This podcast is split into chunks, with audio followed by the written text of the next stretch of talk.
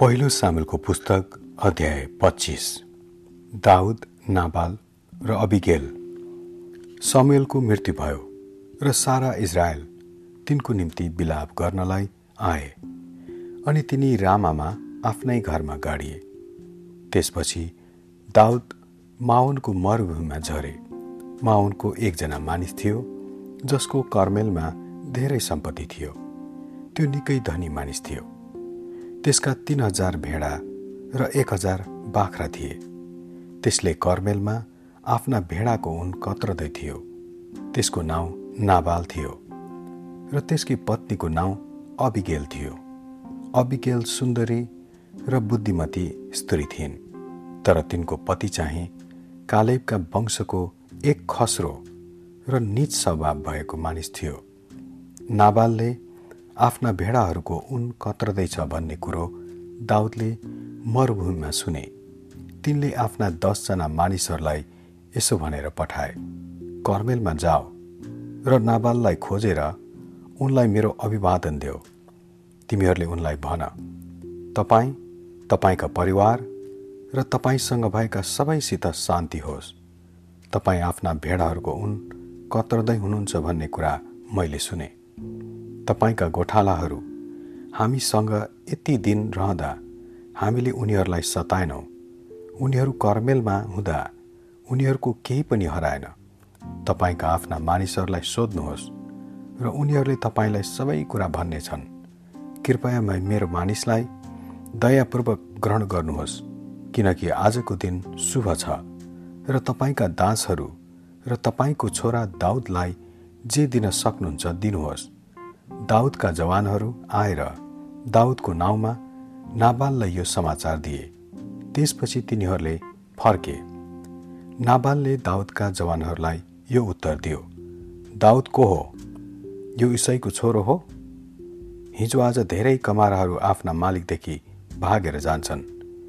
मेरो खानेकुरा मेरो दागमध्य र मेरा उन कत्रनेहरूका लागि जुटाएका मासु अज्ञात मानिसहरूलाई मैले किन दिनु?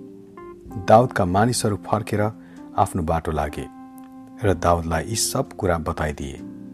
दाउदले आफ्ना मानिसहरूलाई भने सबैले आ आफ्नो तरवार भिर। तिनीहरू सबैले आ आफ्नो तरवार भिरे र दाउदले पनि आफ्नो तरवार भिरे। प्राय चार सयजना दाउदको पछि लागे र अरू दुई सयजना चाहिँ मालसामान हेर्नलाई बसे। नाबालको कुनै एकजना सेवकले नाबालकी पत्नी अबिगेललाई भन्यो दाउदले मरुभूमिबाट हाम्रा मालिकलाई नम्रतापूर्वक अभिवादन दिनलाई मानिसहरू पठाएका थिए तर उहाँले त तिनीहरूको अपमान गर्नुभयो। तर ती मानिसहरूले हामीलाई राम्रो व्यवहार देखाएका थिए र हामीलाई सताएनन् र हामी तिनीहरूसँग खुला मैदानमा यताउता जाँदा हामीले हाम्रो कुनै चिज हराएनौँ। जब हामी आफ्ना भेडाहरू चराउन जान्थ्यौँ तब तिनीहरू दिनरात हाम्रा चारैतिर पर्खाल जस्तै थिए। अब तपाईँले के गर्नुपर्छ सो राम्रो विचार गर्नुहोस्। किनभने हाम्रा मालिक र उहाँका सबै परिवारमाथि निश्चय नै सर्वनाश आउँदैछ। उहाँ यति दुष्ट मानिस हुनुहुन्छ कि उहाँसँग त कुरै गर्नु पनि फाइदा छैन। यसैले झट्टै दुई सय रोटी दुई मसक दागमध्य काटकुट पारी बनाइएका पाँचवटा भेडा आठ पाती चिउरा एक सय झुप्पा किसमिस र सुकाएका नेभाराका दुई सय डल्ला अबिगेलले लिएर गदाहरूमा ती लदाइन् तब तिनले आफ्ना नोकरहरूलाई भनेन् तिमीहरू अघि अघि जाओ म तिमीहरूका पछि आउनेछु तर आफ्ना पतिलाई तिनले यस विषयमा केही भनेनन्। जब तिनी गधामा चढेर डाँडा बिचको बाटो भएर गइरहेकी थिइन् तब दाउद र उनका मानिसहरू तिनीतर्फ तलतिर झर्दै थिए। र अभिगेलले तिनीहरूलाई भेटिन्। दाउदले भर्खर भनेका थिए मरुभूमिमा केही पनि नहराउने गरी यति राम्रोसँग यस मानिसका धन सम्पत्तिको रक्षा गरिदिनु त व्यर्थ भयो। त्यसले भलाइको साटो मलाई खराबी गर्यो। भोलि बिहानसम्ममा त्यससँग भएको एकजना पुरुष पनि जीवित रह्यो भने परमेश्वरले मलाई त्यसै गरून् अथवा त्यसभन्दा बढी गरून्। जब अबिकेलले दाउदलाई देखिन् तब तिनी हतार हतार आफ्नो गदाबाट ओर्लिन् र दाउदको सामुन्ने घोप्टो परी भुइँसम्म निहुरेर तिनको खुट्टामा दण्डवत गरिन् हे मेरा प्रभु दोष माथि नै परोस्। हजुरको विनम्र दासीलाई बोल्ने अनुमति दिनुहोस्। मेरा प्रभुले मेरा कुरा सुन्नुहोस्। हजुरले त्यस दुष्ट मानिसको ख्याल नगर्नुहोस्। जस्तो त्यसको नाउँ नाबाल छ त्यो त्यस्तै छ। त्यसको नाउँ मूर्ख हो र त्यसको व्यवहार पनि मूर्खको जस्तो छ। हजुरले पठाउनु भएका मानिसहरूलाई मैले देखिनँ हजुर। अब रक्तपात गर्नु र बदला लिनुबाट हजुरलाई परमप्रभुले रोक्नु भएको छ। जीवित परमप्रभुको नाउँमा र हजुरका जीवनको शपथ खाएर म भन्दछु। हजुरका शत्रुहरू र हजुरको नाश चाहनेहरू सबैको दशा नाबालकै जस्तो होस्। म हजुरकी विनम्र दासीले ल्याएको सौगात यहाँ छ। हजुरको अधीनमा भएका जवान मानिसहरूलाई त्यो दिनुहोस्। हे मेरा मालिक दृष्टता गरेकोमा हजुरकी दासीलाई क्षमा गर्नुहोस्। परमप्रभुले हजुरको वंशलाई सदा सर्वदा स्थिर गर्नुहुनेछ। किनभने हजुरले परमेश्वरकै युद्धहरू गर्नुहुन्छ। हजुरको जीवनकालभरि हजुरमा कुनै किसिमको खराबी नपाइयोस्।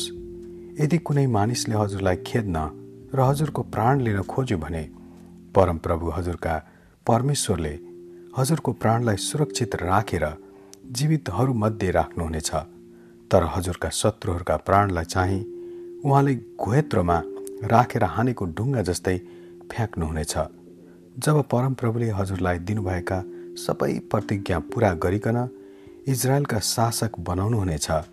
तब हजुरले निर्दोष रगत बगाउनु भएको र आफ्नो बदला लिनुभएको कारण हजुरको निम्ति पछितो लाग्ने अथवा गरौँ बोझ हुने केही कारण हुने छैन। त्यसबेला जब परमप्रभुले हजुरको उन्नति गर्नुहुनेछ तब म हजुरकी दासीलाई पनि सम्झनुहोला। तब दाउदले अभिगेललाई भने परमप्रभु इजरायलका परमेश्वरको प्रशंसा होस्। जसले आज मसँग भेट गर्नलाई तिमीलाई पठाउनु भयो। तिम्रो बुद्धि धन्यको हो। तिमी धन्य कि हौ? किनभने आज तिमीले मलाई हत्या र प्रतिशोधको दोषीदेखि जोगायो। किनकि तिम्रो हानि गर्नदेखि जोगाउनु हुने परमप्रभु इजरायलका परमेश्वरकै नाउँको शपथ खाएर म भन्दछु कि यदि तिमी मलाई भेट्न झट्टै नायकी भए नाबालका परिवारको एकैजना पुरुष पनि जीवितसम्म जीवित रहने थिएन। तब दाउदले अभिगेलको ले तिनको निम्ति ल्याएका कोसेली ग्रहण गरे र भने शान्तिसित घर फर्क। मैले तिम्रो कुरा सुनिसकेँ र तिम्रो बिन्ती मन्जुर गरे अबिगेल फर्केर आएपछि तिनले नाबालले आफ्नो घरमा राजाले दिने योग्यको ठुलो भोज आयोजना गरेको देखिन्। नाबाल खुसी भएर मध्येले खुब लट्ठ भएको थियो। त्यो अति साह्रो लट्ठ थियो कि त्यसकी पत्नीले त्यसलाई बिहानसम्म केही पनि सुनाइन।